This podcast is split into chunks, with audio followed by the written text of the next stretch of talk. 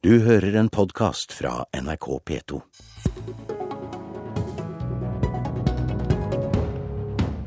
Regjeringen og støttepartiene skal i kveld forsøke å bli enige om en ny innvandringspolitikk. Men hvor store endringer kan vi egentlig vente oss? Og Stortinget skal i dag drøfte legenes reservasjonsmulighet i abortspørsmålet. Regjeringen skaper problemer for dem som står svakt fra før, mener Venstre, mens KrF er helt uenig. Dette er Politisk kvarter i NRK P2 og NRK1. God morgen, jeg heter Per Arne Bjerke. I går ettermiddag behandlet stortingsgruppene til regjeringspartiene, Kristelig Folkeparti og Venstre forslagene om endringer i innvandringspolitikken. I kveld møtes de fire partiene igjen, der målet er å bli enige om en avtale. Og innvandringspolitisk talsmann i Fremskrittspartiet, Mazyar Keshvari, hvorfor er det nødvendig med en ny innvandringspolitikk? Eh, hovedgrunnen til det er at vi ser eh, etter åtte år med rød-grønn feilslått politikk på dette området, så er kapasiteten sprengt på en rekke områder. 5500 eh, mennesker som har fått opphold, venter fortsatt på å bli bosatt i kommunene. Og Grunnen til at kommunene ikke klarer å bosette disse, det er jo ikke fordi de ikke vil eller ikke har empati eller ikke liker eh, mennesker eh, som kommer fra andre land. Det er rett og slett fordi kapasiteten deres er eh, sprengt. Det er utfordringer på boligsituasjonen, i tillegg til at kommunene skal fremskaffe boliger. Så må de fremskaffe barnehager, skoletjeneste, helsetjeneste og alle andre grunnleggende tjenester som borgere i en kommune har krav på. vi ser det også på, på andre områder. Ca. like mange tusen, tusen mennesker som har fått avslag, bor fortsatt på asylmottak og befinner seg i Norge uten å ha blitt uttransportert. Så på område etter område så ser vi at vi har tatt imot langt mer enn det vi er i stand til å integrere på en god måte og gi en forsvarlig behandling. Det blir på mange måter som å ha plass til ti gjester og ta imot 100. Eh, det er ikke særlig komfortabelt for de ti opprinnelige man hadde plass til. Eh, ikke for de 90 som er til overs, og heller ikke for verten. Derfor er det på høy tid å eh, gjøre noe med eh, innvandring, asyl- og integreringspolitikken, ikke minst. Ja, Fremskrittspartiet og regjeringspartiene de ønsker altså da å få til en innstramning. Og Arild Grande, stortingsrepresentant for Arbeiderpartiet. Hvor store innstramninger er det egentlig mulig å få til før Norge kommer i konflikt med internasjonale lover og regler som vi har forpliktet oss til å følge? Ja, aller først vil jeg si at jeg har respekt for at det fortsatt pågår forhandlinger, og eh, det er ikke mye vi vet. Men eh, av det vi har hørt, eh, så er jo handlingsrommet svært begrensa. Eh, den rød-grønne regjeringa har jo allerede foretatt en rekke innstramninger i forhold til familiegjenforening, som betyr at det 24-årskravet vi har hørt om, eh, som eh, forhandles fram nå, bare vil angå ca. 200. Eh, det eh, Økningen i underholdskravet som vi har hørt om, vil bare angå ca. 300. Og Når vi tenker på at ca. 12 000 kommer inn i året, så er jo dette veldig små tall. Og det er klart at eh, jeg har aldri vært borti et eh, politisk felt eh, som er mer krevende, som er mer vanskelig. Eh, så jeg har den dypeste respekt for at man strever med å komme fram til enighet. Men samtidig har jeg lært at dette er et felt hvor kanskje symbolene betyr mer enn det reelle innholdet fordi at vi har allerede foretatt mange av de innstramningene som eh, Fremskrittspartiet her snakker om. Eh, og vi har også eh, en raus behandling av barnefamilier, som KrF og Venstre snakker om. sånn at Dette viser at de store linjene i utlendingsfeltet ligger fast. Keshvari, blir dette mest symboler og egentlig lite realiteter når det kommer til stykket? Nei, overhodet ikke. Når det kommer til de konkrete punktene som vi forhandler om, så ønsker jeg ikke å gå inn på det. Men det er jo ikke noe hemmelighet hva vi kom fram til i samarbeidsavtalen.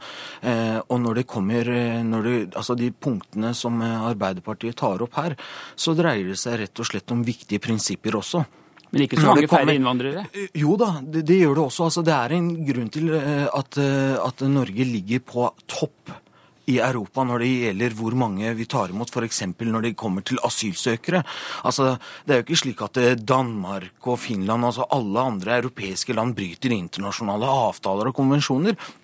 Men de har tatt noen grep. De har innført noen eh, regler og praksis som gjør at det kommer færre dit. Og det er det vi i Fremskrittspartiet ønsker. Vi ønsker å ta imot det vi har reell kapasitet til, og bosette til å integrere, slik at mennesker som kommer hit, har en reell mulighet til å lykkes i det norske samfunnet og bli ressurser og ikke en byrde.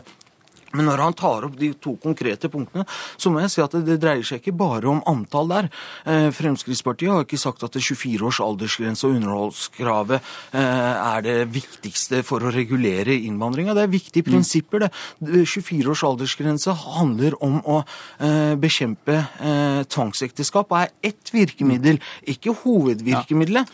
Hvis vi kan forhindre at en eneste eh, person eh, unngår å bli tvangsgifta med den regelen der, eh, så er det verdt det. Arne, Arne Grande, jeg bare, jeg bare spørre deg, Når du sier at det ikke er så stor forskjell og det er mye er gjort allerede, hvorfor er det da så farlig å la Fremskrittspartiet få hånd om innvandringspolitikken? Det vil skje med Fremskrittspartiet, når de får muligheten til å påvirke gjennom regjeringsdeltakelse, så blir jo de et helt ordinært høyreparti på dette feltet også. og Det viser at eh, handlingsrommet er begrensa. Vi kan ikke ha et eh, regelverk som skiller seg vesentlig fra våre naboland, verken eh, vesentlig strengere eller vesentlig mer liberalt. Da, da vil det Mye av det som Fremskrittspartiet har tatt til orde for når de var i opposisjon, er jo tiltak som ville bryte fundamentalt med både menneskeverdet, men også med internasjonale konvensjoner, som f.eks å fengsle alle som kommer til Norge eh, uten ID-papirer. Eh, sånn at handlingsrommet er svært begrensa. Og der vi ønsker, og der det, jeg tror det er tverrpolitisk enighet i Norge om å få bukt med tvangsekteskap, om å sørge for at uh, mennesker sin mulighet til å gifte seg med hvem de vil, eh, blir oppfylt. Der har jo den rød-grønne regjeringa allerede gjennomført de eh, mest fundamentale grepene, som gjør at en innføring av en aldersgrense og en økning av underholdskravet blir mer av symbolpolitikk. Kanskje begrenser noe, men de oppmykningene man ser på i forhold til eh, barnefamilier, vil jo resultere i økte ankomster. sånn at det blir jo ikke noen begrensning i innvandringen som sådan med Fremskrittspartiet i regjering. Jo, det blir det. Og, og, og, dette argumentet om at eh, det, det er ikke mulig å gjøre noe pga. internasjonale avtaler og konvensjoner, holder ikke. Det har jo Danmark vist. Eh, dessuten så er det jo slik at det, når det kommer til dette med lukka asylmottak, eh, så er det sånn I hele sommer så hørte vi at dette var brudd på internasjonale konvensjoner, det brøyt FNs barnekonvensjon, det var umulig å gjennomføre til tross for at andre land hadde det. Så kommer vi fram til at det, i henhold til eksisterende norsk lovverk, nemlig utlendingslovens paragraf 106, så er det en rekke kriterier for når man kan frihetsberøve mennesker. Bl.a. hvis de ikke er med på å bidra til å oppklare sin egen identitet, og de har anledning til det, hvis det er fare for at de unndrar seg hjemsendelse, og en rekke andre kriterier. Så det som var helt umulig for et halvt år siden, det som var brudd på internasjonale avtaler og konvensjoner osv. Det er en del av samarbeidsavtalen. Det er et av punktene. Og så skal vi finne ut av på hvilken måte vi kan gjøre det på en ålreit og god ja. måte. Og når det gjelder bare et ja. siste punkt, når det gjelder at det ikke er mulig å gjøre noe, så har vi allerede gjort noe. Se på uttransporteringer, f.eks. Mm. Det har økt i januar med 50 ja. i forhold til januar i fjor. Så Fremskrittspartiet ved makta, det nytter, og det ser vi hver eneste dag på alle områder. Siden 2005 eh, så har vi uttransportert 36 000 personer, sånn at det er gjort en massiv arbeid på det allerede. Det som er det springende punktet i forhold til det som er det gode ønsket om å hjelpe flere barnefamilier f.eks., så eh, skal vi jo sette oss ned og lese denne avtalen i ro og når den kommer. fordi at eh, ting er hva man sier i media, eh, som blir mye av symboler. En annen ting er hva man faktisk rent foreslår. Og med mindre man har lovendringer på gang, eller forskriftsendringer som skal veilede dem som skal jobbe i utlendingsforvaltningen, så er jeg redd også at dem som nå tror at det blir en stor oppmykning, har forregna seg. Sånn at dette skal bli interessant å se. Jeg ønsker partene lykke til, men dette er svært krevende. og vi skal følge med Får vi se i kveld hva det kommer fram til. Takk skal dere ha, Arild Grande og Mashar Keshvari.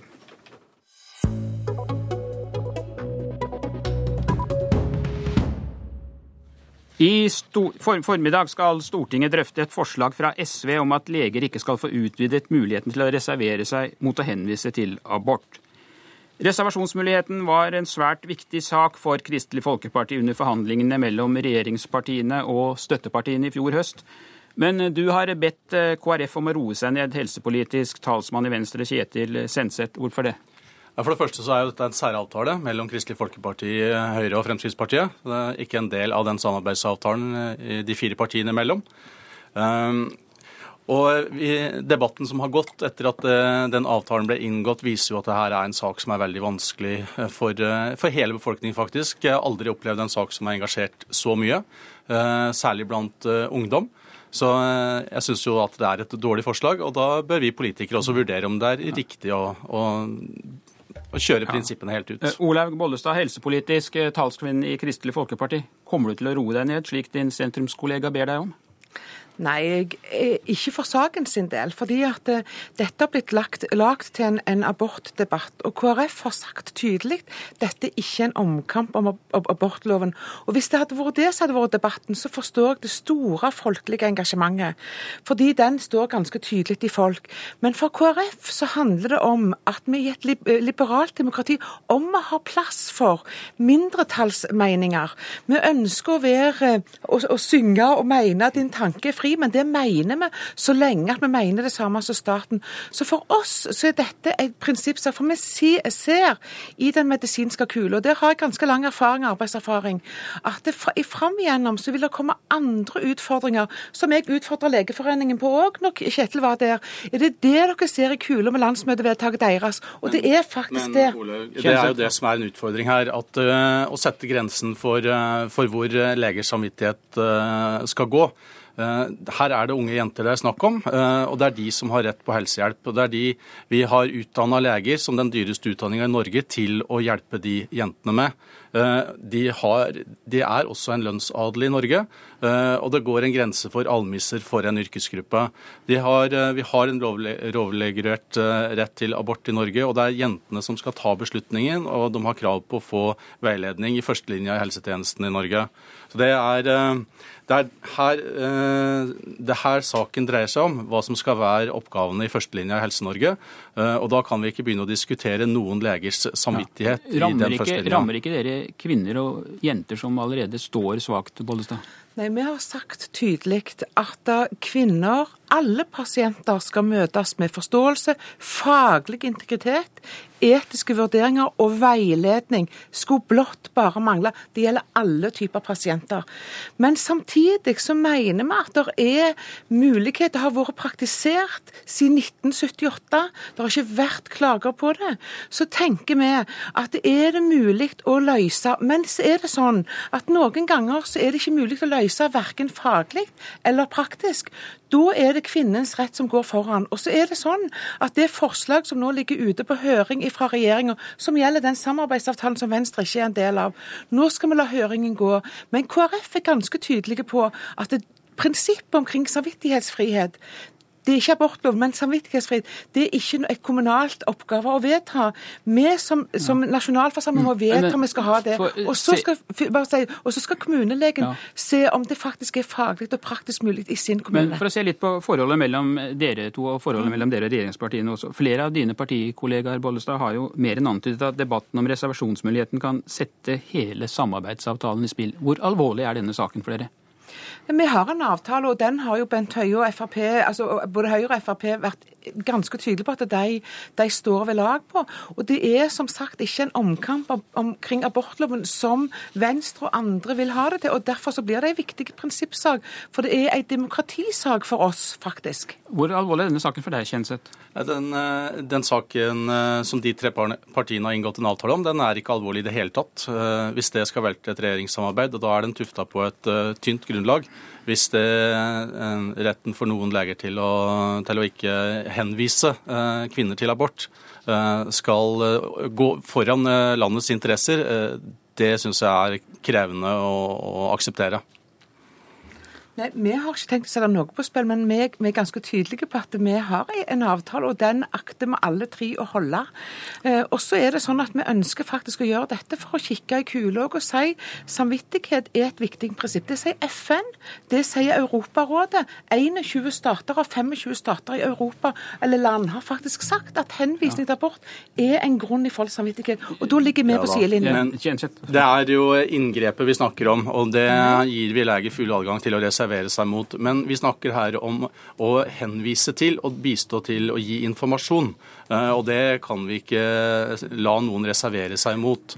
Det er jo det prinsippet vi snakker om. Europa, det... Europarådet ja. de har sagt òg henvisning. Jo, men Det blir, synes jeg blir en der, verdig overflodsdebatt. Mm, der må jeg sette strek. Dette var Politisk kvarter med Per Arne Bjerke her i studio.